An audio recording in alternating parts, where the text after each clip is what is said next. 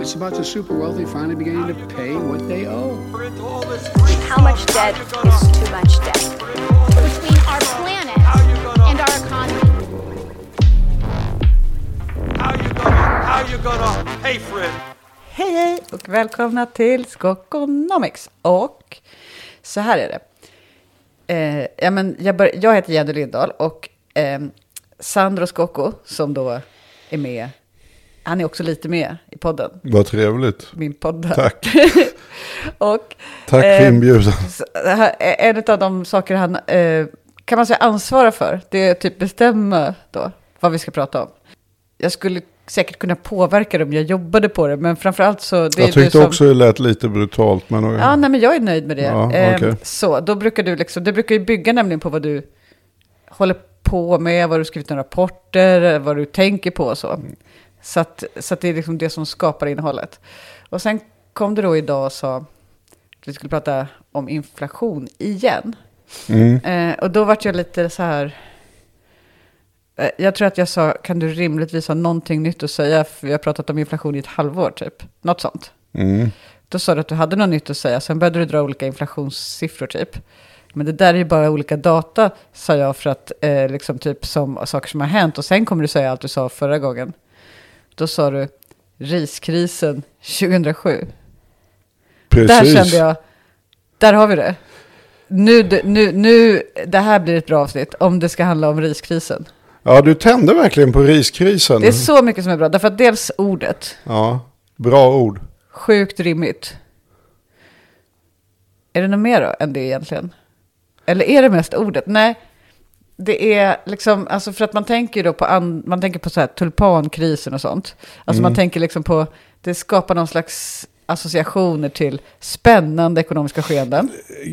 Kul att du tog upp tulpaner faktiskt. Därför det, det är samma bakomliggande faktorer. Det handlar nämligen om spekulationer. Ah, Den här beramade medeltida tulipanakrisen där. ah, eh, Det handlade ju just om spekulationer när ah. Liksom en tulpan kunde vara värt som ett hus Ja. bitvis. Man hade helt spårat ur helt Det, enkelt. och det var en spekulation som, det måste jag ha byggt på att man kan sälja tulpanen vidare. Det är oftast det spekulationer... Inte att man, den är så fin att man vill ha den liksom. Nej men George Soros har väl sagt det bäst. I, ingenting är så roligt som en bubbla. Eh, och sen med det där tills den spricker. Och det är ju det. Därför att det bygger ju på att någon köper någonting. Oavsett om det är en tulipan eller ris. Och sen en vecka senare visar det sig att man köpte och har gått upp jättemycket pris. Och hela den här resan som pågår väldigt länge oftast. Alltså det kan ju handla om eh, liksom många år den här. Jag blir bara rikare och gladare och gladare. Och till slut så kommer den här tidpunkten när folk tror att det här är en sure thing. Eh, och då blir det ännu roligare och så betalar folk ännu vansinnigare priser oavsett vad det är.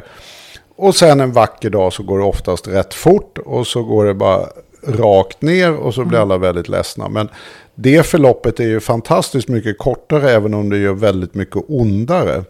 Så det är en väldigt lång, glad resa och en kort, fruktansvärt smärtsam resa kan man säga. Men det är lite som, jag tänker så här, Skandiamannen. Mm. För ett år sedan ungefär, då var Skandiamannen superhet samt som samtalsämne. Ja, Eh, och all, allting handlade, alltså det vi pratade om då, det var, eller i alla fall jag och mina kompisar, den här pressträffen som polisen hade.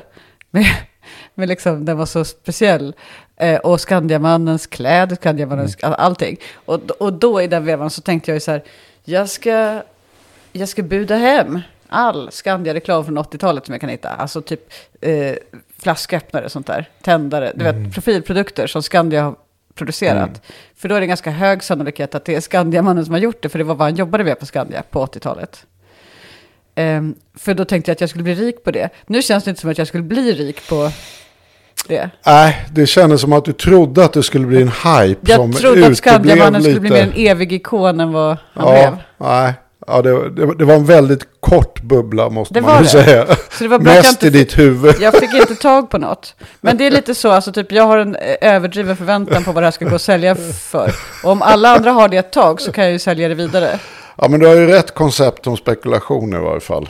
Ja. Därför det är ju nämligen eh, väldigt mycket det vi ska prata om. Nu har vi alltså fått med både riskrisen och Skandiamannen. Det är Ja. väldigt roliga saker att prata om. Ja, känner du nu att ämnet är tillräckligt intressant? Otroligt pepp, Ja. pepp på... När jag lanserade att det ändå i botten handlar om inflation så var ju du allt annat än Ja, entusiastisk. för det är inte jättekul i sig. Och också, ja men det är väl tre poddar eller något vi har pratat om inflation. Ja, jag håller med. Nej, men vi har gått igenom det rätt noggrant. Men det här tycker jag är en kul aspekt och det har kommit lite rapporter som gör just eh, riskrisen eh, 0708 väldigt relevant. Så flinar du. Jag är på gott humör. Ja, riskrisen. Det, det, varje gång du säger det kommer jag Ja, skina upp. och sen är ju ris... är ju, Det blir bara bättre. Det är en bra början på en mening. ja, tack. Ja, det, ris är ju liksom eh, mer än bara ris. Ja. Det låter jag som någon sån här risfanatiker som har skrivit en bok om ris. Nej, men men- jag tänker att du låter som en österländsk vis man. Ja, tack. Ja, det tycker jag var ett trevligt alternativ.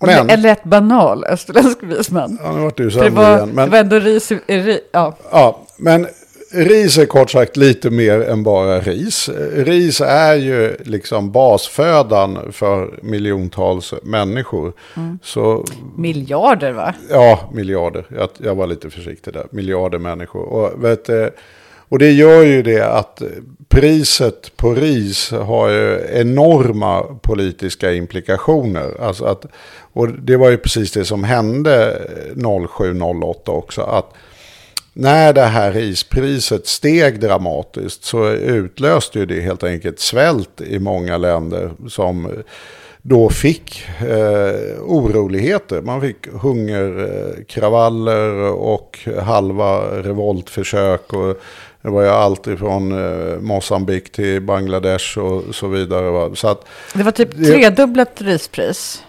Var det inte så? Ja, det, det, det var ju det som hände då just med den, den kortsiktiga snabba prisuppgången utav ris. Och då, och då brukar ju vi hålla oss med den där uppfattningen att ja, men det här är ju utbud och efterfrågan. Eh, och, Vi, eh, som är vi nationalekonomer eller? Ja, jag skulle säga alla som håller på med lite ekonomi Ja. i varje fall. Ja, men det finns ju då grundläggande marknadsmodell som säger att jag menar, utbudet och efterfrågan måste möta varandra och så kommer köpare och säljare överens om Mm. ett pris. Och då skulle man ju kunna tänka sig nu att den här enorma ökningen av ris, som då är kanske den viktigaste politiska frågan i många länder, eh, att den berodde just på att eh, risskörden hade tokkollapsat. Och, då- och, och folk ville ju fortsätta äta ris. Och när människorna inte blev färre som ville äta ris, men utbudet tokkollapsade så blev konsekvensen jättehöga rispriser och folk svalt och så blev det kravaller. Liksom. Det, det är ju liksom en sån här story som jag tror många tänker att aha, det var nog så det gick till va. Och, och då är det ju ändå intressant tycker jag. Att eh, precis som när jag pratar om det här med när, närmast eh, ja, inflationsmyten avseende narrativet. Ja. Att eh, liksom, om man säger att nu sticker inflationen iväg så ska man förstå att ekonomin är överhettad och lönerna är på väg att skena. Ja. Och sen så kanske inte då verkligheten har så himla mycket just med den historieskrivningen att göra. Så är det här på motsvarande sätt att det där blir liksom bilden folk får. Va? Och det är marknaden. Är ju liksom, om utbud och efterfrågan möts så måste det ju vara det det är. marknaden där och fördärvar igen. Ja, men lite, lite så ändå just det här att ja, vad, vad ska vi göra åt det? Det är ju så här det är liksom. Och jag tycker att det är spännande med, med det här på grund av att just det inte alls är så. Och eh, för den lyssnare som står ut till eh, slutet så kommer ni också få en förklaring till varför det i högsta grad är relevant idag. Och dessutom med en referens till Vita huset. Jag gillar att ha sådana här Vita huset-papper. Jag har haft det förr också.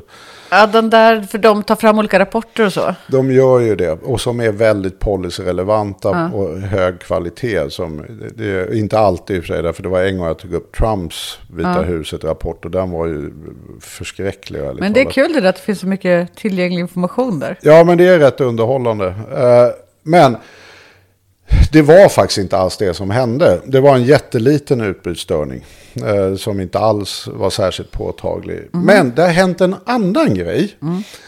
Och det har hänt någonting som heter finansialiseringen utav vet, du, råvarumarknaderna. Råvarumarknaderna är ju liksom sådana här marknader som håller på med metaller, eh, olja, vetekorn. Alltså, eh, ris. antingen är det ju liksom agrikulturprodukter eller metaller. Man har ju sådana här grova... Och det är på börs, en slags börs då? Det är ju på, vilket det är, eh, inte då Wall Street. Wall Street håller ju på med andra grejer. De Men det är en med börs pe- av samma typ, Ja, det är en liksom. börs av samma typ. Och så är Istället så för här, aktier köper man ris. ja, precis. Eller korn eller vete eller metaller i eller något koppar. eller köper man eller- fysiskt? Ja, och det där, det fram till, ja, lite grovt, allting är ju inte Mm. så här helt liksom tajt, men lite grovt kan man säga att globalt sett så var de där till för producenter innan eh, för 20 år sedan. Att jag till exempel, ja, för att ta ett exempel som är väldigt enkelt kanske att förstå. Eh, jag behöver potatis och kött därför jag är McDonalds. Då Därför jag är hungrig, kunde du sagt. Nej, nej. Därför jag, det tror inte jag spelar så stor roll för just börsen. McDonalds behöver potatis och kött. Ja, det är Big Mac och pommes frites. Mm. Ja, lite vete gissar jag i brödet också då. Va? Så de behöver ju lite råvaror helt enkelt. Va? Några till. Så det behöver ni inte rätta mig på att det behövs olja säkert. Några kan man komplettera i efterhand. Ja, vi, vi, men vi, vi tar det lite ba, basalt här va. Så att de behöver ju helt enkelt för sin verksamhet ett antal råvaror. Och då går man till en eh, marknad som säljer de här råvarorna. Och så säger man så här, jag behöver så här mycket av vete till exempel. Så när du sa producenter, då menar du inte veteproducenter utan Nej. producenter utav eh, varor? Så, precis, som behöver de här produkterna. Eh, Jag är Industrin, en, jag är en, precis, jag är en, eh, låt oss säga lastbilstillverkare. Jag kommer behöva Behöver- plåt. Massor med plåt. ja, exakt. Va? Och så vidare. Eller koppar eller kobolt eller vad det är nu man kan tänkas behöva för sin produktion. Och då fanns det ju sådana här eh, futures som det heter. Det vill säga att de vill ju också känna sig trygga i att nej men, nu vill ju inte jag råka ut för att priset dubbleras här när jag har sålt en lastbil och så vill jag ju veta vad liksom produkten kommer kosta om jag lovar ett visst pris nu. Så, här, så man kunde försäkra sig, hedga liksom priserna, vil- vilket är ett normalt försäkringsförfarande. Men det var ju producenter som gjorde det. Så att det som man kallar då för volatiliteten i marknaden var väldigt liten. Därför de som träffades, det var ju de som producerade grejer som de behövde råvarorna till. Och de som du var inne då på, de som gjorde råvarorna. Allt ifrån jordbrukare eller liksom gruvindustrin och så vidare. Va? Pratar vi också verkligen bara råvaror? På, är, är, den liksom, är den renlärig, den här råvarumarknaden? Är det bara råvaror? Ja. Kan man köpa plast där? Nej, eller det, ja, det var det har faktiskt. Det, det är inte indelat så i varje fall. Nej. Det är ju agrikultur, det är energi, det är metaller och så vidare. Men ja, Ja, det är inte så Det är en viktigt. detaljnivå. Jag bara visualiserar här. ja, det är en detaljnivå som, men det är möjligt, jag har ingen aning. Eh, Men de här andra råvarorna nu, eh, så kan man helt enkelt köpa dem där. Eh, Och så möts då de som producerar råvarorna med de som vill faktiskt producera något med de här råvarorna. Och då inser man ju det att ja, det kommer inte hända, den här marknaden är inte superspännande. Det, det blir lågkonjunktur. Ja, då producerar det ju inte lika många hamburgare och lika många bilar. Och då vill de köpa mindre och så kanske det finns samma utbud. Ja, men då kommer ju priserna gå ner i lågkonjunktur och så kommer de gå upp i högkonjunktur därför att folk vill ha mer grunker eller råvaror helt enkelt. Och sen kunde man hedga det där lite grann, köpa försäkringar. Så, så där höll den liksom på att snurra. va? Rätt ospännande historia. Men sen blev den integrerad i den eh, liksom vanliga finanssektorn som vi oftast brukar se som Wall Street som håller ju på med någonting helt annat. De håller ju på med aktier och sen massa instrument och produkter Ja, där som köper är... och säljer man förväntningar, typ. Mera. Ja, de gör ju mer det va? Och är därmed också relativt volatila. Det vill säga de håller på att gå upp och ner rätt dramatiskt. För att inte nu ta ett dagsaktuellt exempel. Börsen har ju nu fallit 27 procent. Va? Ja. När då? Idag? Igår? Nej, för fan. Nej, sen årsskiftet. Jaha.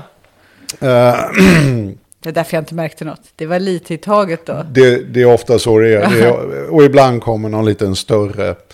Men, 27 procent. Hade den fallit 27 på en, på en dag då tror jag vi hade hört talas om det Verkligen. i tidningarna. Men, men det är ju rätt dramatiskt egentligen. Ja. Jag menar, peak börs peta in en miljon så har du 750 000 kvar. Men nu. så alla de som har investerat och sitter med stort kapital då, de har tappat jättemycket pengar nu. Nej, sannolikt inte. Därför de klev nog inte in på peak. Utan eh, Nej. de, ja, så att det där är lite mer komplicerat. Men i vilket fall som helst.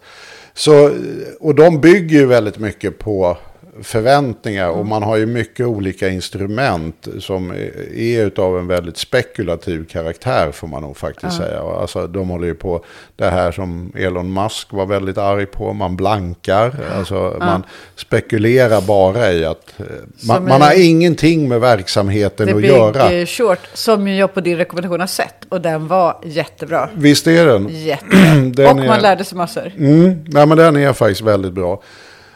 Och det, så att den, den har ju de här rent, ja, vads, väldigt stora rena vadslagningsinslag helt enkelt. Och att det är det man försöker tjäna pengar på, vadslagningen.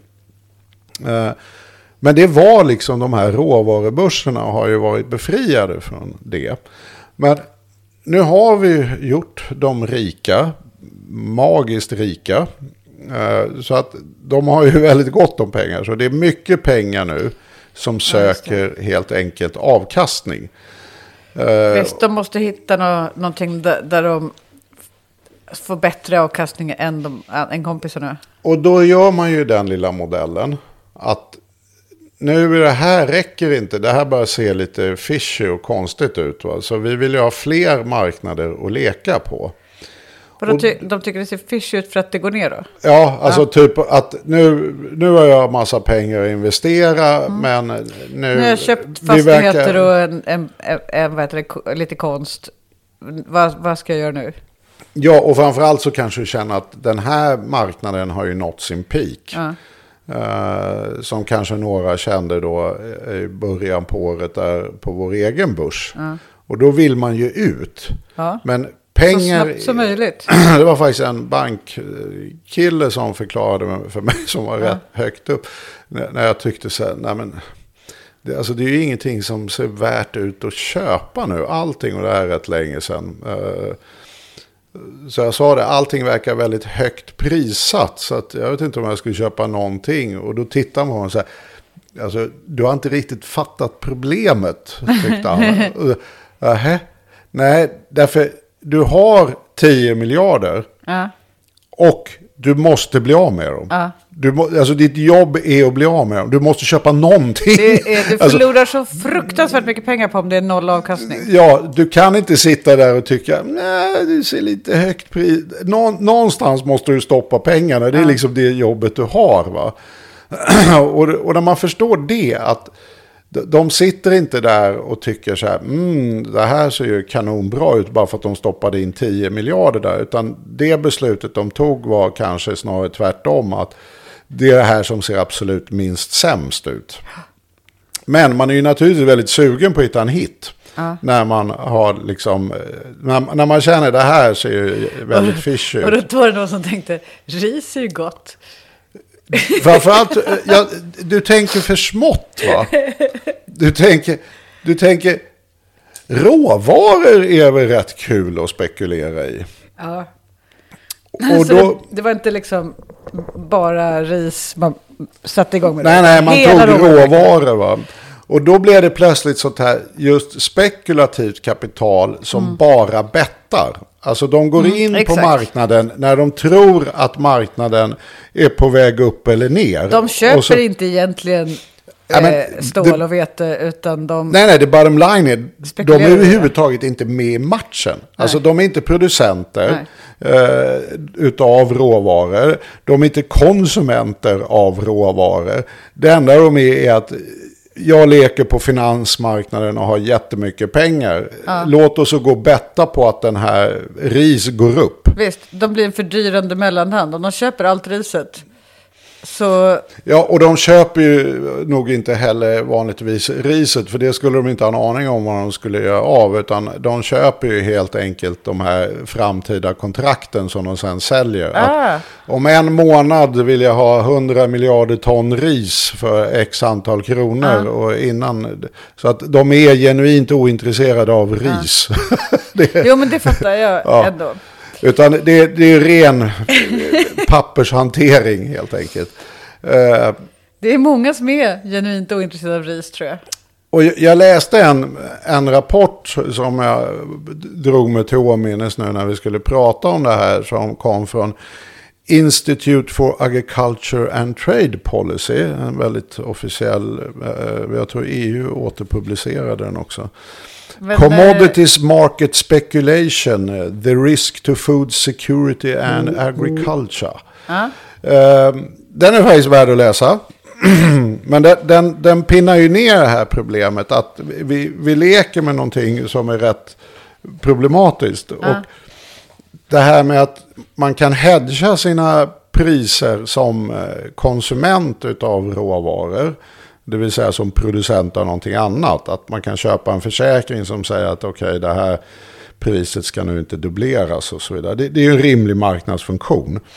Men det här gänget som, om man nu ska tala enkelt narrativ, dyker upp från Wall Street med jättedjupa fickor och bara flödar in likviditet på den här marknaden, blir noll funktion. Det är en ren marknadsstörning. Men det driver ju som en självuppfyllande profetia upp priset. Därför alla tror nu att det är en prismarknad. Så den första killen eller tjejen som dök upp från Wall Street kommer ju dra med sig alla andra gamar. Därför nu, och det här hände ju 07-08. Och då hade ju alla fattat att det luktade surt på den traditionella marknaden. Ja, var det, alltså, det var finanskrisen som var en orsak här då? Det var ju därför då vill du ju exita ur det där va. Och du måste exita in, in. Och det är ju det man måste förstå. Du kan inte exita ur. Du måste exita in i Exakt. någonting annat. Och vad ska vi exita in i? Ja, vi hoppar in på råvarumarknaden. För den ser ut att gå eh, skyrocket liksom. Sen är det alltid problematiskt naturligtvis eh, på lång sikt. När de här underliggande utbuds och efterfrågorna inte alls har någonting med priset att göra. Därför förr eller senare kommer det krascha tillbaka till där det hör hemma. Liksom. Men då drar ju naturligtvis alla. Då kommer ju det här kapitalet tänka att wow, nu verkar det hett på räntemarknaden. Woo! Och, så, och det är närmast i viss utsträckning organiserad skadegörelse skulle jag säga utav det ekonomiska systemet. Och det är ju naturligtvis en aspekt på det hela. Va? Därför allting blir ju mer svårförutsägbart när det blir väldigt så kallat volatilt. Det vill säga att det går upp och ner väldigt mycket. Va?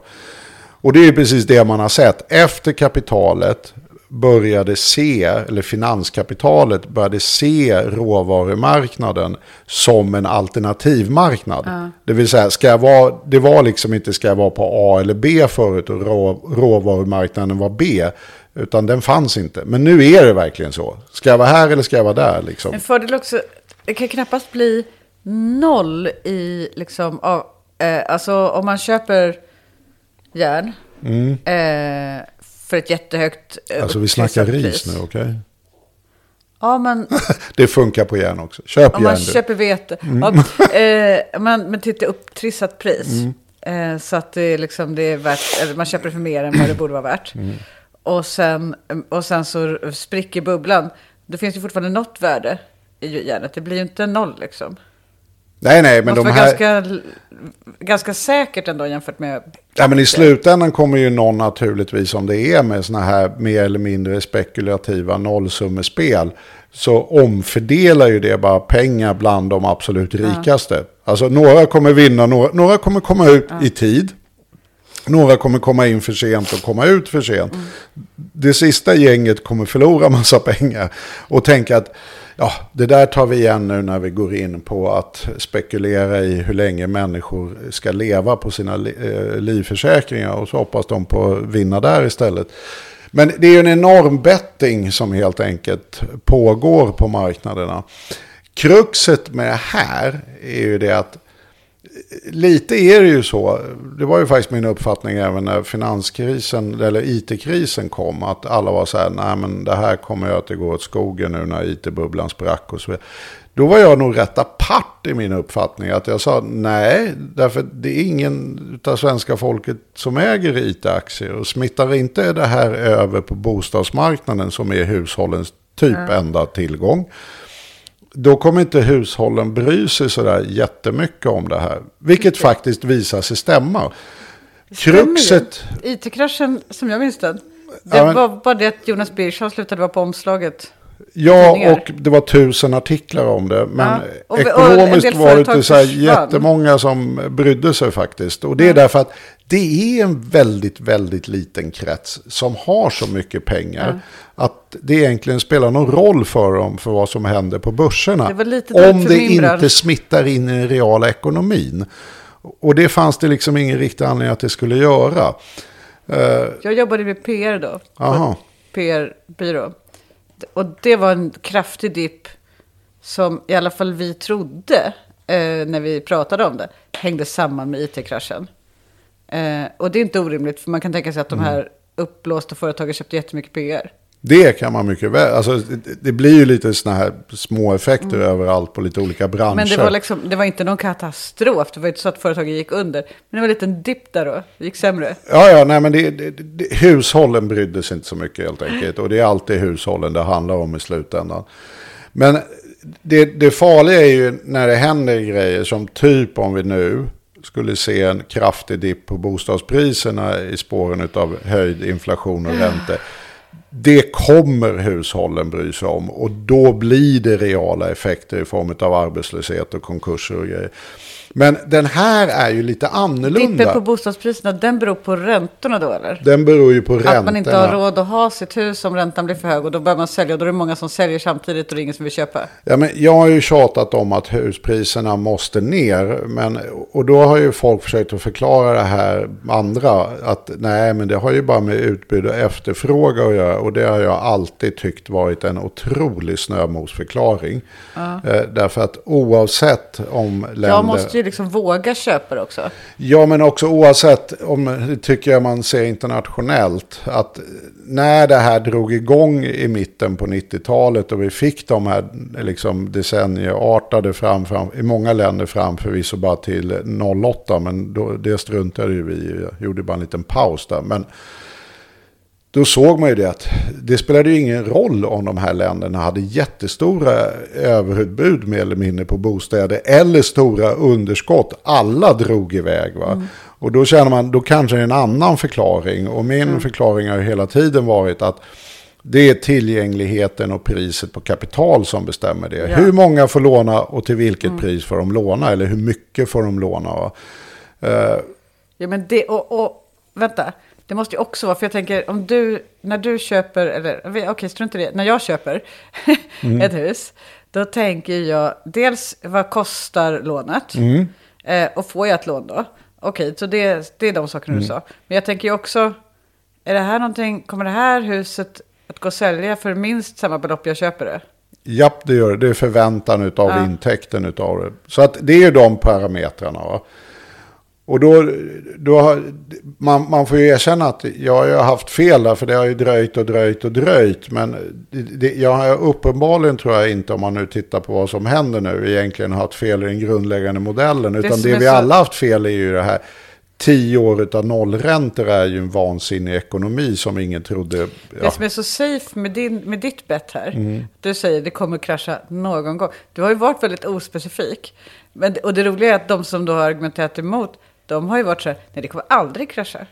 Ja, och jag har ju faktiskt haft den här modellen. Så jag har ju sagt Det när känns ju mycket mer safe att tänka att någon gång kommer det. Ja, men alltså framförallt har jag ju sagt när det kommer. Och, Ja. och det är med att jag, Har du?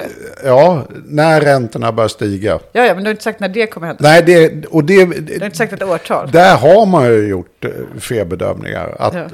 Jag var den mest pessimistiska. Jag trodde vi kunde få leva med nollräntor i tre år. Andra trodde ett när Ja. det kom ner till nollräntor. Det visade sig att det, var tio år, vilket är ju unheard of i hela liksom, mänsklighetens historia. Eh, Så att det, det, det, det, har varit någonting jättekonstigt på gång här som har lett till de här nollräntorna i ett decennium. Men nu ser det ut som det är lite på väg upp nu. USA gjorde ju en väldigt kraftig höjning nu till exempel. Och det brukar Låt inte tendera så att... himla glad för det. Nej, nej, Det jag är inte glad jo, för det. det hör man på rösten. Nej, jag, jag är orolig om jag ska vara ärlig.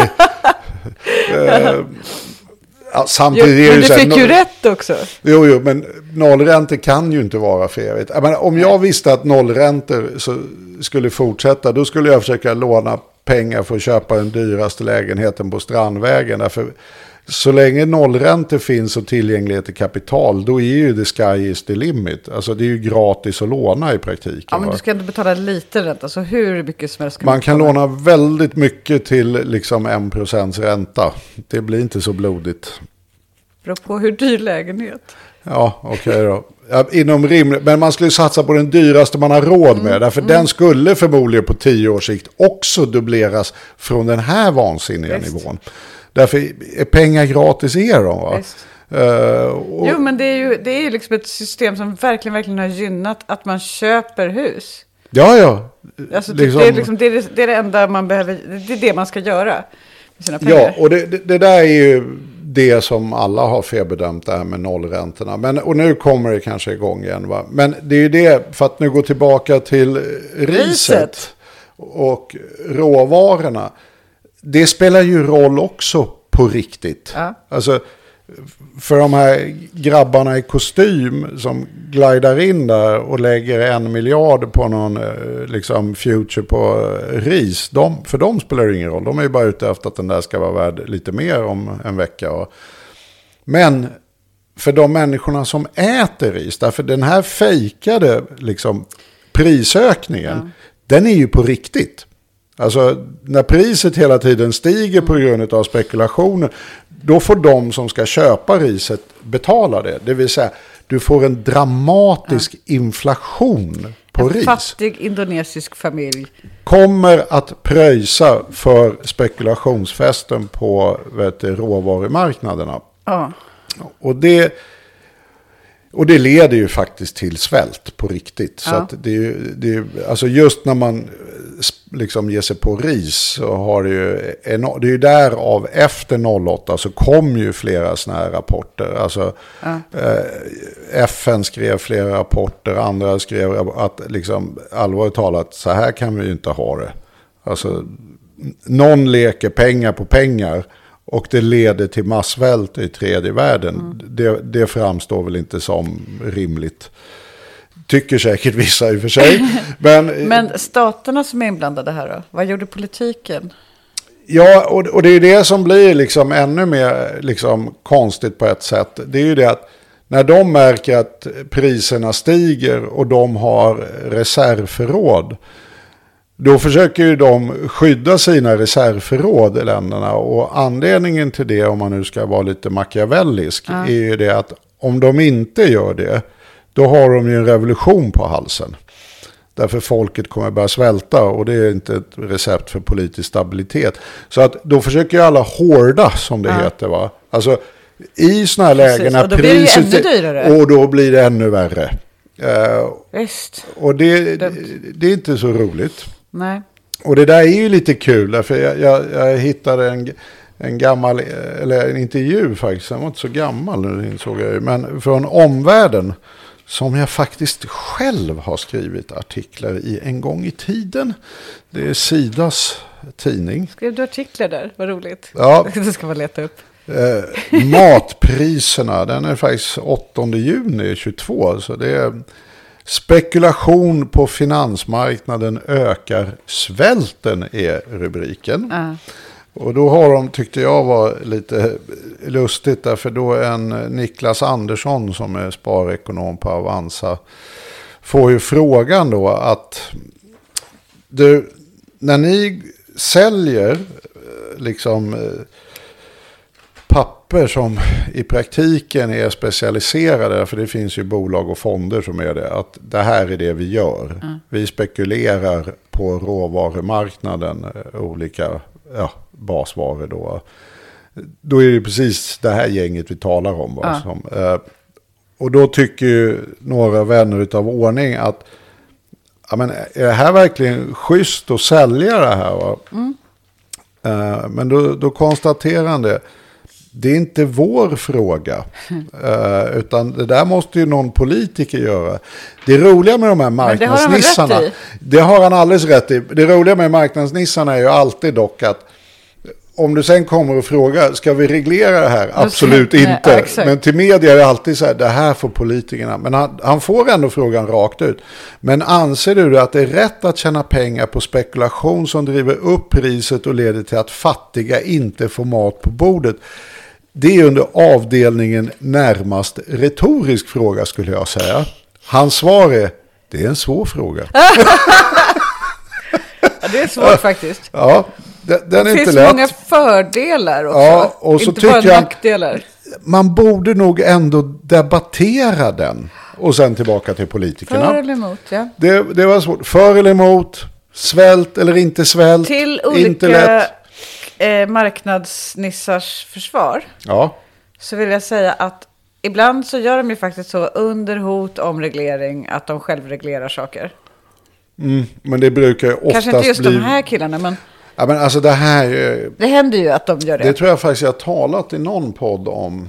Uh, regulating, ca- eller capture regulating, Mm. vilken ordning det nu var. Men vad det betyder är i praktiken att hur eh, reglerar staten verksamheter som pågår i samhället och som är väsentliga? Och i vilken utsträckning klarar de av att regle- reglera det?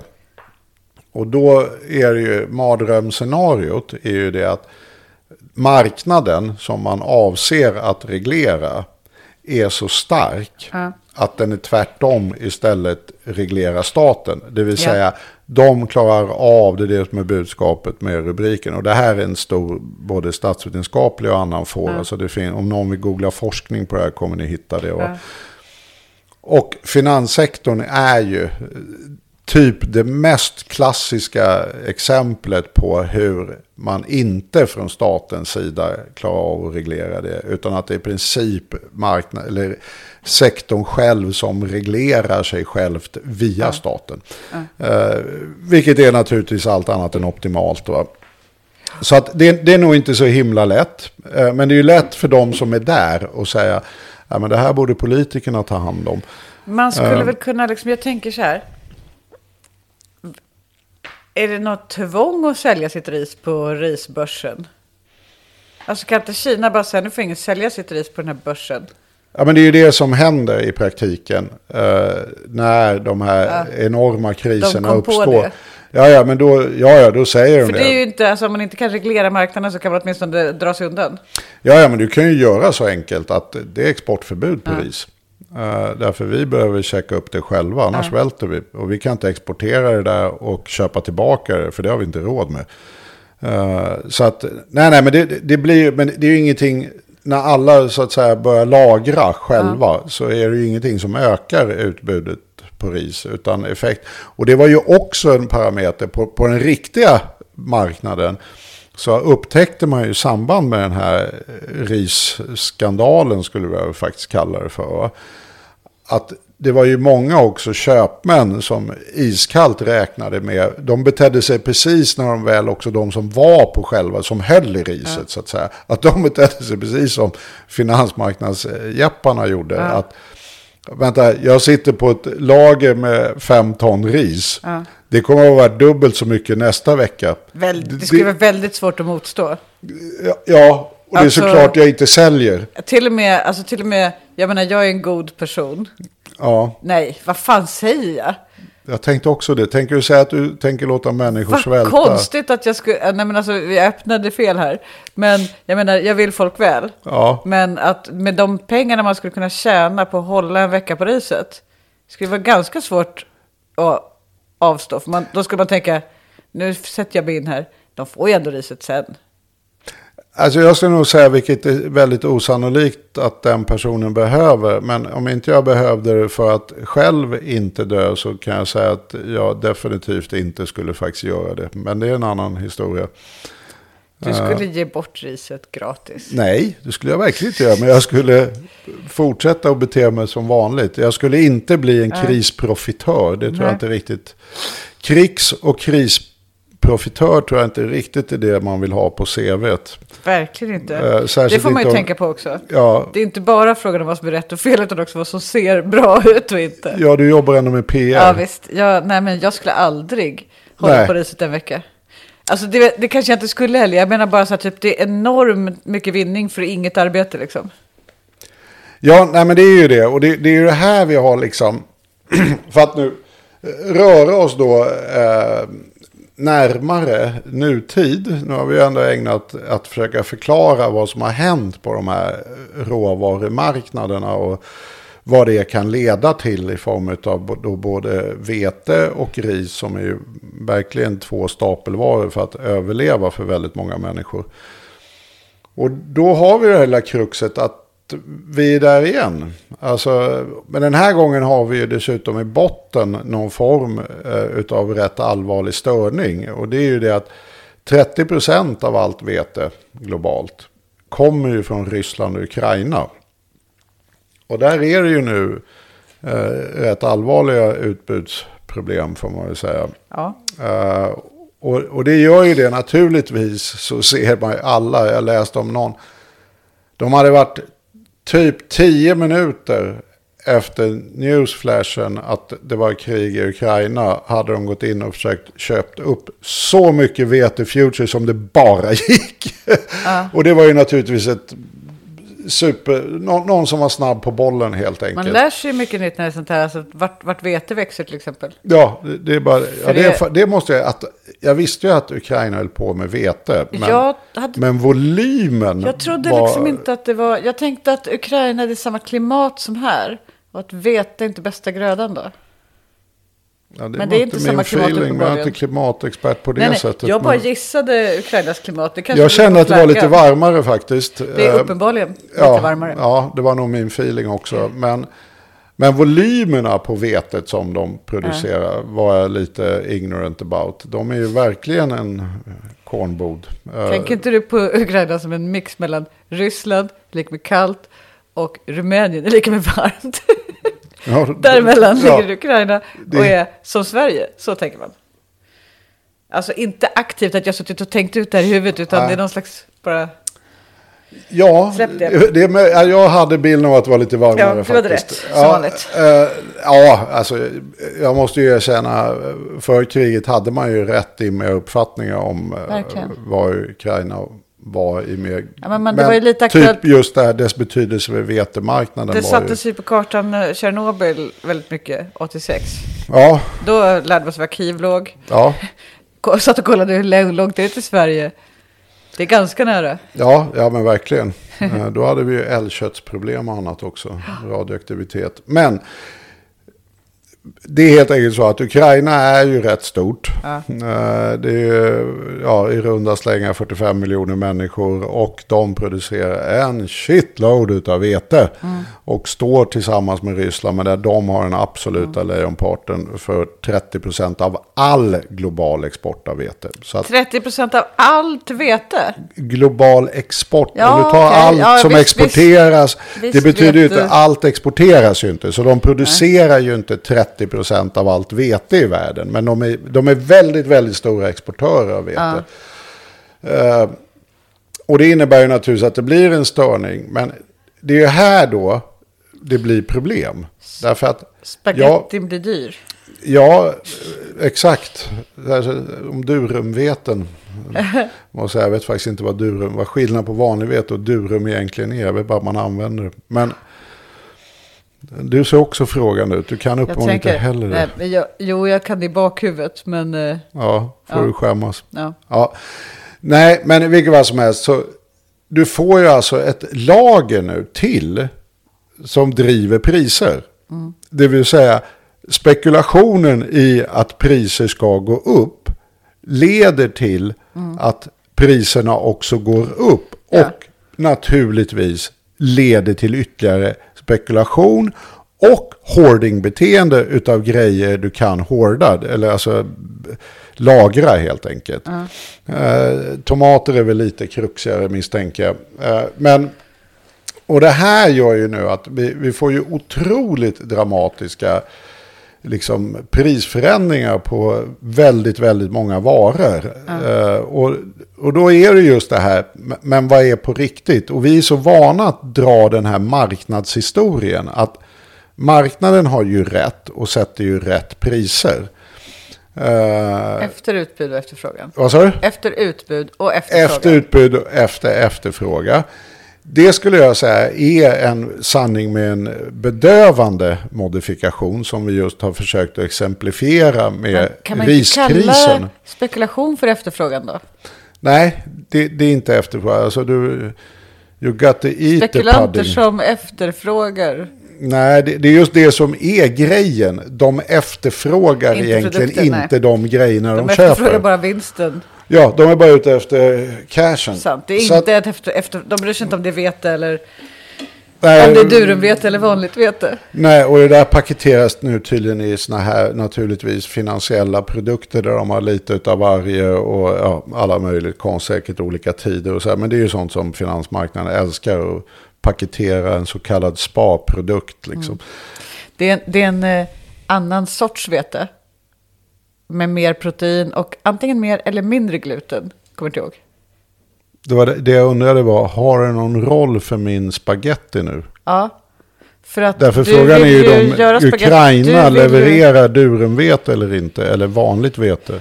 Det spelar ju ingen roll. Är det gatåbrödet som om går allt upp, eller är det vete tar spaghetti? slut så kommer folk köpa durumvete istället och det blir dyrare. Färsk pasta blir dyrare men inte... Vi ska kolla export durumvete. Jag googlar det här så länge. Ja, gör det så länge. Så kan jag fortsätta att Ja. prata om temat. Eh, jo, och då, då har vi ju den här förklaringsmodellen. En sån till exempel, som jag nog också har sagt i tidigare poddar, men som jag nu kan kvalificera lite, det är ju de här utbudsstörningarna. Alltså att de här stora prisökningarna nu, som vi då har tjatat sönder i tidigare poddar, beror inte på stig, stigande löneökningar. Nej. Utan det här är helt andra faktorer. Och också- som Riksbanken till exempel då inte kan någonting åt. Man hör ju ingen säga att det är löneökningar heller. Alltså när de drar, alltså när, man, när det pratas om inflationen, då pratar de åtgärder det som om det är det. Och liksom det är så, det är så modellen på något vis ut. Men man hör inte så här typ, ja lönerna har stigit och Nej, det var Nordea och de som var ute i början där. att Ekonomin är uppenbart överhettad, vilket var Men ju bara de avstod ju från att snömos. säga varför det skulle vara det. Ja, och samtidigt blir det lite, det, det är inte, men nu är vi inne mer på det gamla temat som du var rädd att vi skulle dra en gång till. Men det, det, har, det, det har vi ju noterat att det är ju en knepig argumentation från eh, liksom Riksbanken i den meningen att ja, vi erkänner, vi kan inte göra någonting whatsoever åt de här prisökningarna. Att vi höjer räntan spelar absolut ingen som helst roll Nej. för vetepriset som köps på en internationell marknad. Då. Eh, vi gör det ändå som om vi kunde påverka. Och då blir frågan varför? Jo, det är en preemptive strike emot om löntagarna skulle inbilla sig att de kunde ta ut mer i löneökningar. Så att det, det är inte alldeles lätt eh, det här med preemptive strike. Men en förklaringsmodell, det har ju i princip varit utbudsstörningarna från pandemin. Att vi har ju både kriget i Ukraina nu och pandemin som drar upp eh, priserna. Och då har det ju varit liksom eh, ett sånt där ekonomord som alla springer runt och säger. Undrar hur många som egentligen har koll på vad det menar. Men så här, supply change problems. Det är sånt där bra ord att säga. Och det betyder ju bara att det är någonting i det vi ska producera som är en kedja utav grejer som måste funka. Eh, oftast internationell då shipping och annat. Och de krånglar nu. Jag trodde supply chain var typ nästan bara shipping. Ja, men det är ju, ja, nu behöver det ju inte vara chip, allting behöver ju inte gå över vatten. Men, Nej, men, men att det är typ, så, alltså typ att det är när sakerna tar sig till och från. Ja, just det. Ja, men det är ju det. Alltså, det, är, det är ju när saker och ting ska komma Ja. in i produktionen och jag inte får tillgång till de grejer jag behöver. Vi har ju talat om den här komponentbristen. Ja. Vi måste sluta att bygga bilar nu, därför vi har komponentbrist. Vi kan inte stoppa in de där grejerna vi hade planerat i bilen och vi kan inte leverera den utan en komponent. Det pratas liksom. om pappersbrist. Ja, nej, men det, är- det, det är brist på mycket. Och i hjärtat utav denna brist så var du däremot inne på rätt spår. Är vatten. Eh, närmare bestämt shipping. Att vi har ju haft jättestora shippingproblem.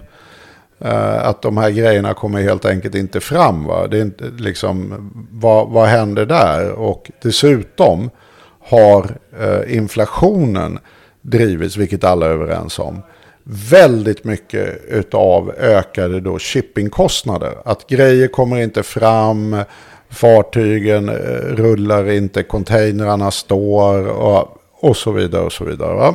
Och det där leder då till att priserna drar iväg och inte minst drar iväg i och med att det är nu så dyrt för shippingbolagen att faktiskt få fram grejerna så är ju det inte bra. Va?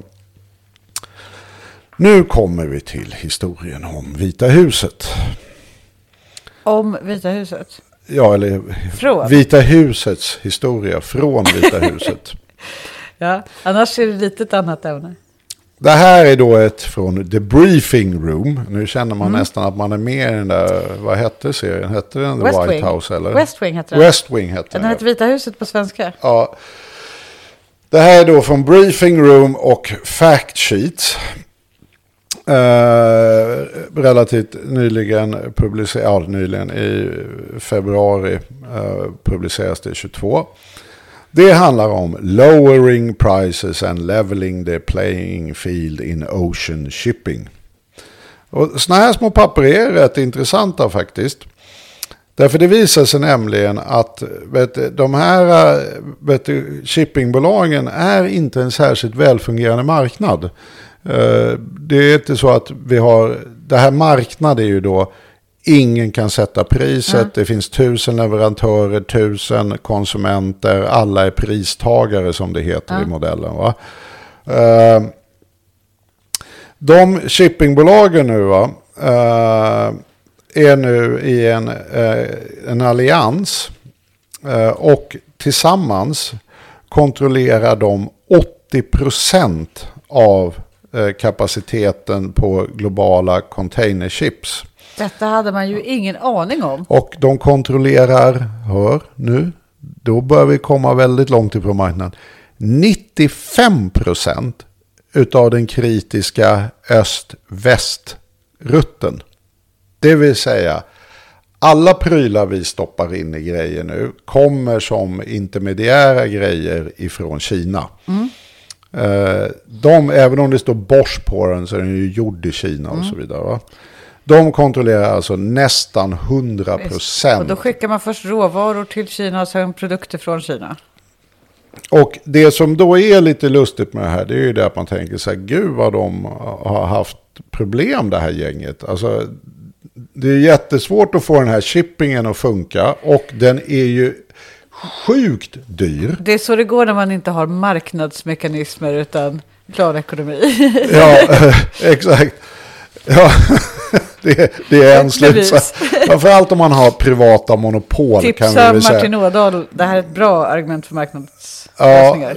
tyvärr går det ju här under begreppet marknadsekonomi. Men det är ju då planerad, privat planerad marknadsekonomi får den här effekten. Eh, om man tittar då på vinsterna de gör nu. Så har vinsterna, därför att egentligen är det ju problem och kostnaderna har ju ökat för att få över grejerna. Det är ju därför priserna har stigit. Eller så har priserna stigit därför att vinsterna i de här bolagen har sjufaldigats. Nej. Det är rätt fett. Men Låt här- mig läsa ett litet Alltså citat. hur vidrigt? In the third quarter of 2021, uh, the average operating margin of the major carriers was about 56%. Det är alltså en sjuk vinstmarginal. Compared to an average, average operating margin of 3.7% two years earlier. Alltså deras normala margin of operating är alltså 3,7 procent. De l- ligger nu och jobbar med en 56-procentig. För att hålla- Bruttovinstmarginal kan man kalla och så. Så att, och det, det De kan väl, alltså skepp, de, de behöver inte jobba lika hårt. Men de får mer pengar. Nej, och det, det är ju inte så stor skillnad nu. Det, det här, shippingen funkar ju rätt väl. Va? Men det, det roliga är, det, det jag tyckte var nästan, det, det, ja, det vet jag inte om jag tyckte var eh, det läbbigaste. Men de har även hittat på regler. Som då alltså bara regler som inte har funktionalitet. Det är då vet, du, så kallade box rules. Eh, och det är då att vissa truckers får bara använda vissa trailers för att just skicka deras containrar. Så att även om det finns en trucker som kan köra containern till fartyget, det är de här stora som knipsar, va? Eh, så får de inte göra det därför att det, vi, vi vill bara använda de här truckarna. Och det gör ju det att, därför då blir det ju kö på rätta truckar till rätt tillfälle. Eh, och då kan man ju undra, vad är poängen med det? Jo, därför när containrarna inte kommer iväg, då måste ju då de som eh, så att säga har betalt för containrarna, de måste ju då betala för detta. Och det gör ju att deras fees till de här kunderna stiger dramatiskt. Vilket gör ju att det stinker utav att de själva vill skapa förseningar genom krångliga administrativa regler som inte fyller någon funktion för att deras avgifter stiger. Det är lite Klarna-upplägg på det här va? Det stinker om deras fis, är du inne på. Det är jättetråkigt skämt. Om man tänker F-I-S istället. Jaha, Ta- ta- sa jag det? Du sa deras fis och sen sa du strax efter att det stinker. Jaha, okej. Ja, det var dumt. Eh, Eh, det, var, inte- det var, inte en- ännu dummare mig att... det, det var inte en avsiktlig ordvits. Det var, inte, det var ännu Eh, dummare mig att upprepa det. Ja, men i vilket fall som helst så är det ju så att det här, och då kan man tycka, ja men hur stor roll kan det här spela? Men då har ju Vita huset gjort en liten skattning och de bedömer då att för USA så motsvarar det här 1% i ökad inflationstakt. Och det är, det är jättemycket. Och då ska man ju veta det att USA har en mycket, mycket lägre eh, andel av sin ekonomi på export. Vi har ju en av de export och importtätaste länderna i världen. Vi har Ja. ungefär 50% av hela vår BNP går i export och import. Vilket gör ju det att om Det det är är en viktigt för procent oss att det går att skeppa ut saker där och skeppa in. Ja, och då är det ju så att om, en, om det är en procent i USA som de här ja, mer eller mindre kartellverksamheterna kostar. Eh, då är det ju garanterat betydligt mer än en procent i Sverige. Det, det är sånt här jag känner att kombinationen utav mer eller mindre privata karteller eh, som kontrollerar liksom global shipping och därmed uppenbarligen i sådana här lägen kan mer eller mindre sätta vilka priser de vill. Jag menar, att gå från en, en rörelsemarginal på drygt 3,5 till 56 procent. Jag menar någonting är ju väldigt skevt. Och sen att de kan stipulera sådana här regler som faktiskt skapar så att säga shippingproblem. Det vill säga det skapar brist i längre ner i supply chainen. Det vill säga folk kommer inte få de grejer de vill ha. Vilket i sin tur begränsar utbudet. Vilket gör att de som säljer sådana grejer har ännu större möjlighet att själva jacka upp priset. Så grossistledet kan också säga, svårt att få grejer från Kina. Den där grejen gick just upp 10 procent. Men det här var inte finanskapitalet eh, som höll på hade skepp. Nej, det här, ja det är väl i och för sig Eller det botten. kanske det, men, de, det var inte spekulationsskepp här. Nej, utan det här är ju, sen så vet inte jag, det, det vet, därför det slog mig när jag läste det där. Därför när man tittar på så vill ju naturligtvis, och det kan du också göra, du bokar ju containrar i förväg. Ja. Och man undrar, har, har det börjat bli sådana fenomen här också nu? Att man Just bokar det, länge man och så man spekulerar helt enkelt i att det kommer vara väldigt dyrt att få tillgång till en container. Men det vet, det var en spekulation från min sida. Men nej, utan det jag vill lyfta upp här, det är ju liksom en mer nyanserad bild av de här två delarna vi pratar om. Att vi pratar om råvarupriser och vi pratar om supply chains problems. De två bitarna är de två huvudförklaringarna till den höga inflationen. Och det ligger definitivt ett korn utav sanning i det. Men det jag vill flagga för att det är nog rätt svårt att veta vad SCBs senaste chocksiffra egentligen består utav i form utav konstgjort upptryckta råvarupriser som bara bygger på att man har så att säga spekulerat i ytterligare prisuppgångar. Och hur mycket som speglar riktiga utbud. Plus att den här utbudsbegränsningen vi får utav varor och fördyrade varor i alla insatser i all produktion. Hur mycket det i sin tur beror på en konstgjord prissättning på shippingmarknaden. Så att eh, det, vi, vi har inte bara, jag försökte nyansera bilden med, här- vi har inte bara att det inte är lönerna som driver Nej. upp det här. Utan även de här två standardförklaringarna. Det är så- inte utbudsbrist heller.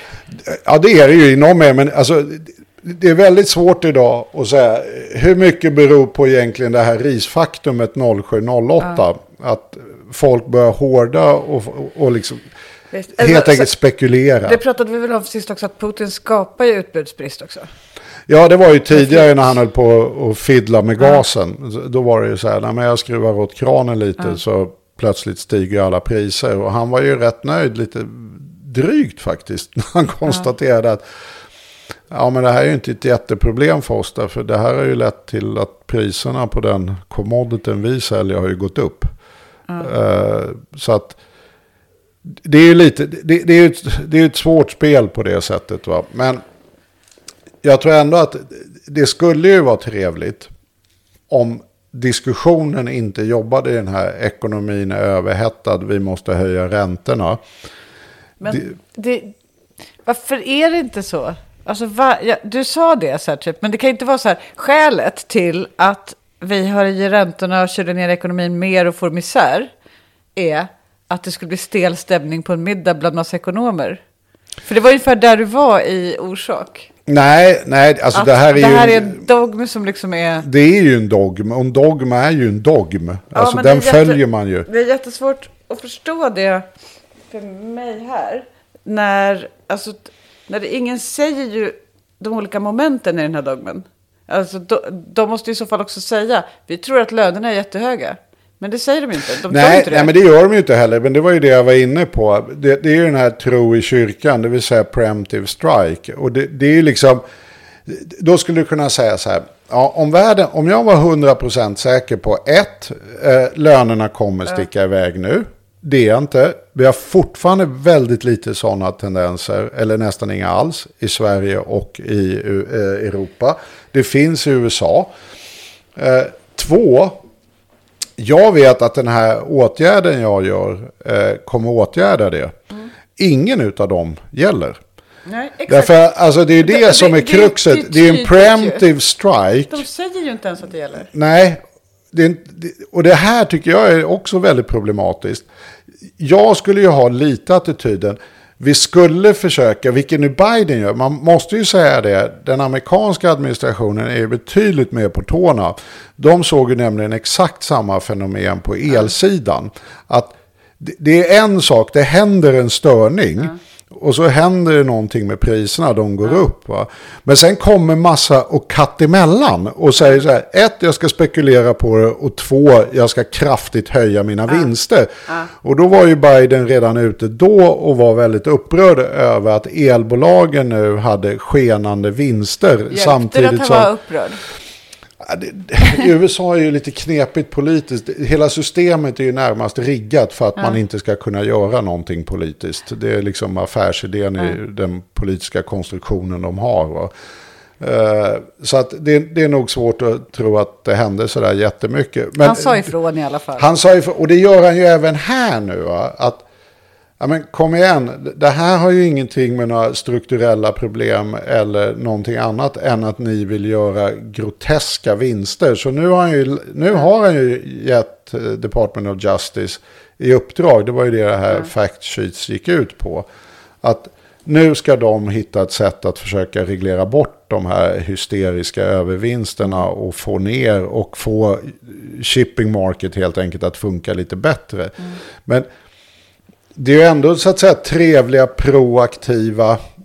Och det har ju även FN varit inne på att det här med att råvarumarknaderna nu är en komplementmarknad till de traditionella finansiella marknaderna och det bara strömmar in jätteflöden med pengar i ett visst läge som får alla de här priserna och skena ligger väl inte rimligtvis i någons intresse. Va? Och försöker hitta någonting. Men det är ju det här, de här människorna som vi nu försöker reglera och säga att det här är väl inget kul. De är ju inte jättelätt reglerade därför de har otroligt mycket ekonomisk och politisk makt helt enkelt. Så att det är väl det jag tror man ska förklara Men du vet, jag, jag brukar liksom acceptera det du säger som att det, det stämmer. Eh, och det brukar bygga på inte bara auktoritet här, utan också på att det, det är, finns en logik i det du säger. Att man kan följa den, att man tänker så här, ah, han målade upp det här så att jag förstår hur det hänger ihop. Och då, då håller jag med om det, för där kan jag se nu. Liksom. Så brukar det funka. Men du, du har mig inte här, alltså, för att jag fattar fortfarande inte. Du sitter på Riksbanken och så bara, ska jag höja räntan enligt den här modellen, där inget är som i modellen just nu, men jag gör det ändå. Jag fattar inte. Nej, men det, det är inte så svårt att fatta. Därför det har ju funnits ett politiskt paradigm ända sedan 80-talet. Och, eh, Det egentligen- vet jag, den har vi pratat jättemycket om. Ja. Men den är, i den ingår att det är löneökningar i mixen. Jo, fast i den ingår också att allt man kan göra i och med att det inte spelar någon roll vad som händer här och just nu. Allting bygger bara på förväntningar. Så nu är helt enkelt förklaringsmodellen. Vår förväntan är nu att lönerna kommer skena och därför måste vi stämma i bäcken. Så modellen funkar ju med att den behöver inte ha något bevis här och nu. Eh, Men det är klart, lönerna skenar om de höjer räntan jättemycket. Alltså, då måste de ju det, det. det, det är det jag känner lite. Att det, det är inte säkert att... Jag tror inte de är dumma liksom. Nej, men alltså det, det, om, om man struntar i det här enorma amerikanska teoribygget kring Mm. eh, varför saker och ting funkar som de gör, Mm. som oftast saknar koppling till verkligheten, eh, så tror jag grundproblemet här är att vi kanske skulle ha en idé om att försöka liksom hitta andra lösningar. Typ ge oss på shipping. typ ge oss på elmarknaden, eh, hålla nere priserna, flytta över en del av den här kostnadschocken på hushållen i form av till exempel ett pristak och så vidare. Och, och sen försöka vara väldigt tydliga med att vi, vi måste hålla i vår traditionella arbetsmarknadsmodell. Va? Och låta då Riksbanken hålla räntorna relativt låga eller vara försiktiga med det vapnet. Så skulle man alla kunna känna att mm, ja, men vi kanske kan eh, liksom, ja, överleva det här på ett halvanständigt sätt. Va? Eh, nu är det ju lite det här istället krigsläget, att det skulle jag beskriva det som. Att liksom löntagarna blir på något sätt fiender. Och man måste disciplinera de här fienderna. Och det gör man genom att höja räntan. Men kruxet med det är att vi med hög sannolikhet då, om de verkligen gör det på riktigt, det de typ säger att de ska göra, det är att vi kommer se fallande bostadspriser, kraftigt stigande arbetslöshet och inga som helst effekter på priser. Så att, och sen så lägger du till då en kommande vinter med jättehöga energi och värmekostnader. Jag kommer också behöva lite högre lön. Där tror, jag, där tror jag många kommer tvärtom om man inte försökte göra det här lite smidigare utan istället lökade laxen från helvetet. kommer att känna jag är verkligen rätt arg nu och tycker jag har fått foten i kläm. Och nu vill jag verkligen ha kraftfulla löneökningar. Och det är ju så, vi är ju inne i ett läge nu där vi har påtagliga reallöneminskningar.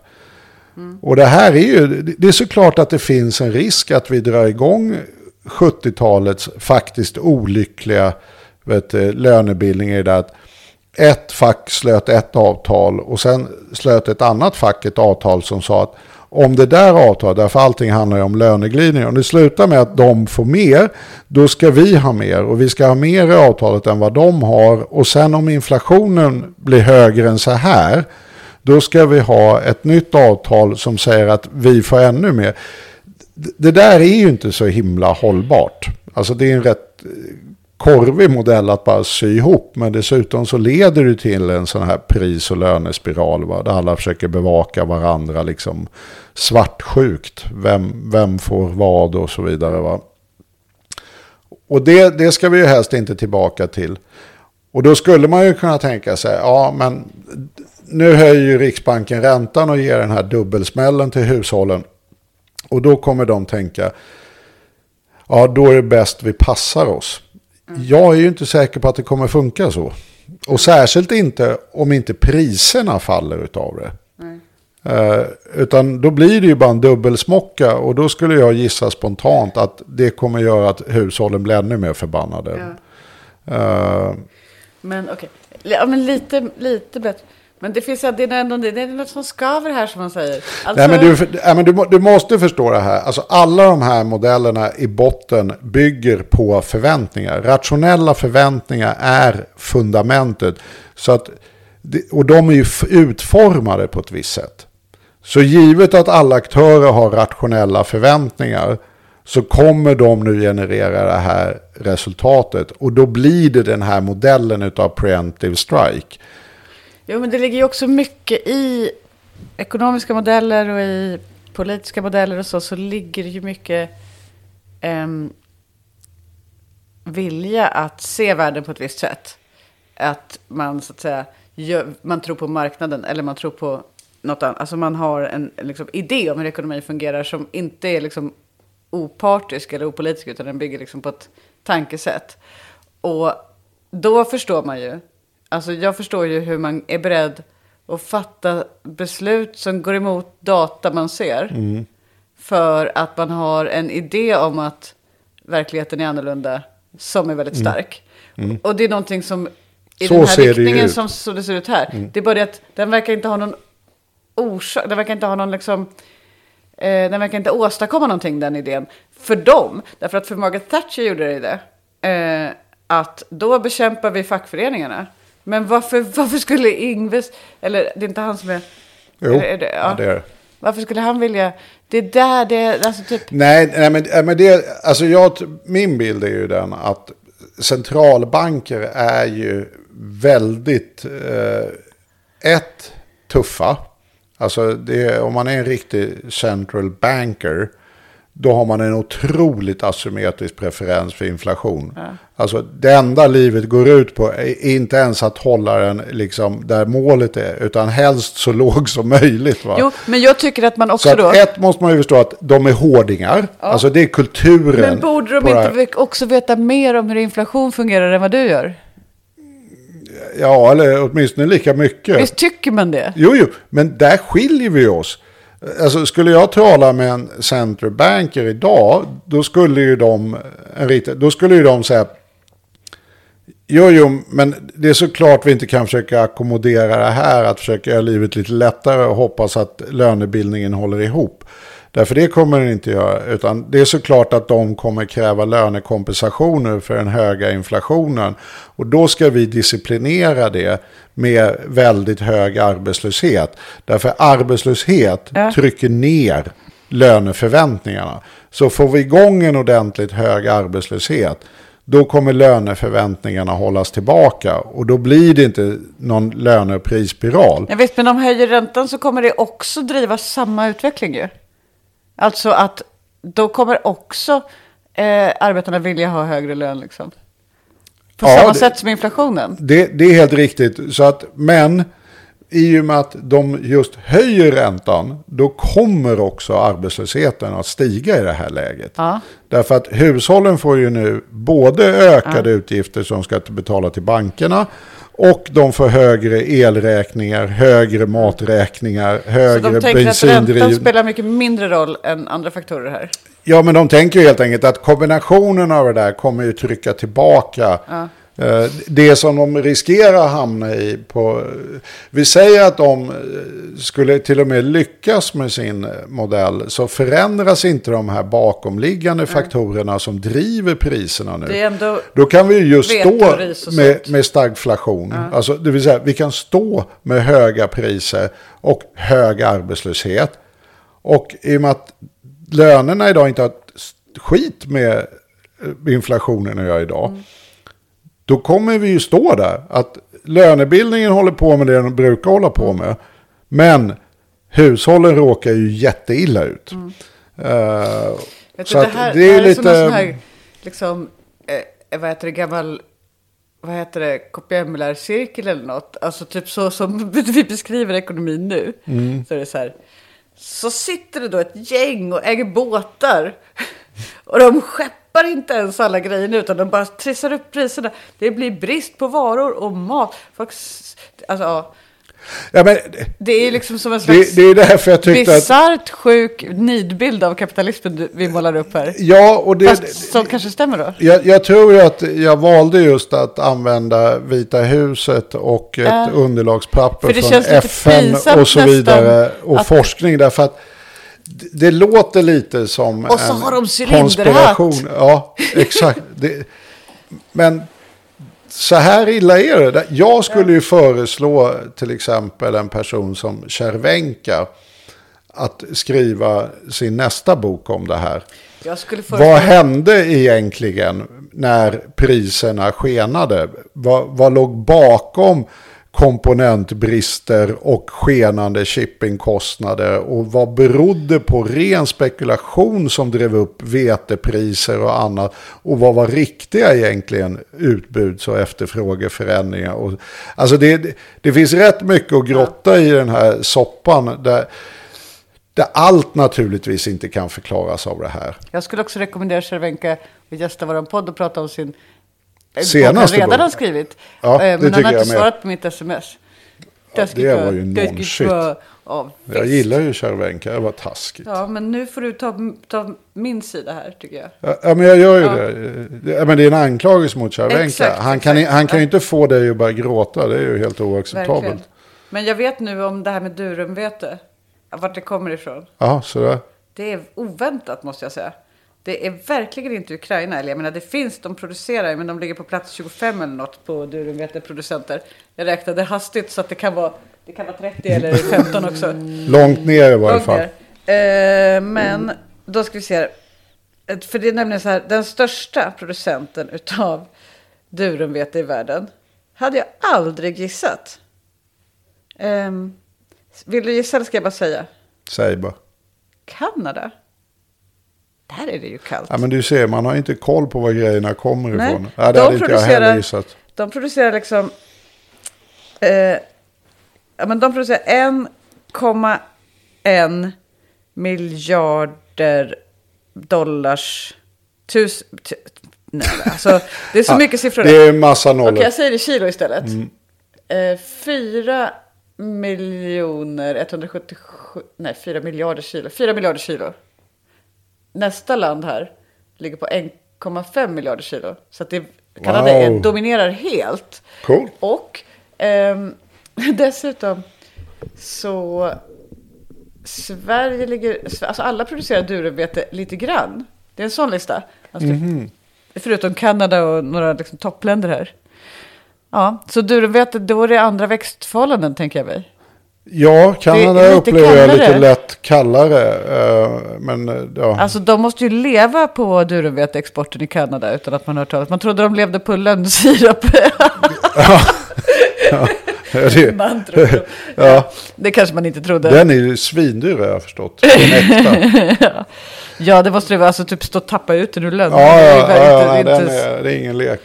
Ja, nej, men vilket fall som helst så kan man väl konstatera det att vi, vi skulle nog behöva förstå lite mer här. Och det här, även om det, det luktar lite liksom eh, vänstersekteristiskt över vissa av de här resonemangen som ändå konstaterar att både FN och OECD och eh, uppenbarligen Vita huset är ju på de här frågorna. Alltså vi har ju ja, tappat lite kontrollen över marknaderna. Och nu tror jag vi liksom ligger i ett läge där ingen riktigt, det, det andas när jag läser de här både forskningsrapporterna och policy briefsen från olika håll, att det är ingen riktigt som förstår poängen med det.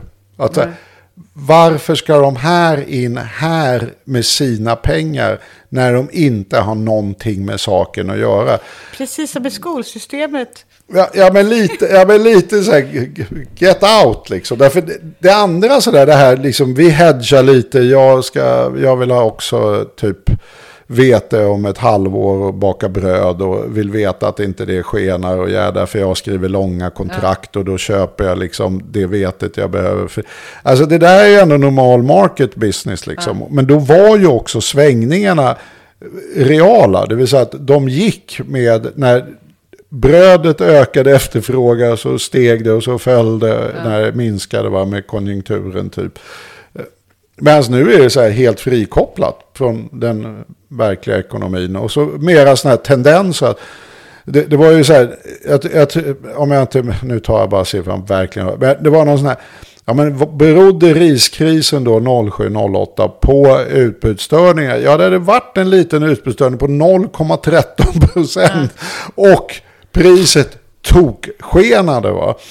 Och, det, och det där är ju, det är ju bara så, så vill man inte ha det. Det är såklart gör det måste bort. Ännu mer övertygad om att vi måste bygga magneträlsjärnväg. Överallt.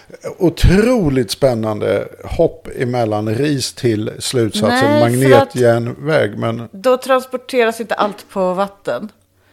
Och det är bra av flera orsaker ju. du tycker inte att det verkar lättare att slå sönder kartellerna och istället reglera upp shipping? Det, det framstår för mig som Jag ett kan tänka mig, jag kan tänka mig reglerad lite- shipping. Men, men liksom statlig, ja, då får statlig nästan. För att Eller vill du att jag ringer Vita det huset och ju- säger lägg av med det här, bygg istället eh, en magnetjärnväg. det här är ju inte den enda bransch eller verksamhet där några få ägare liksom dominerar och sätter villkoren.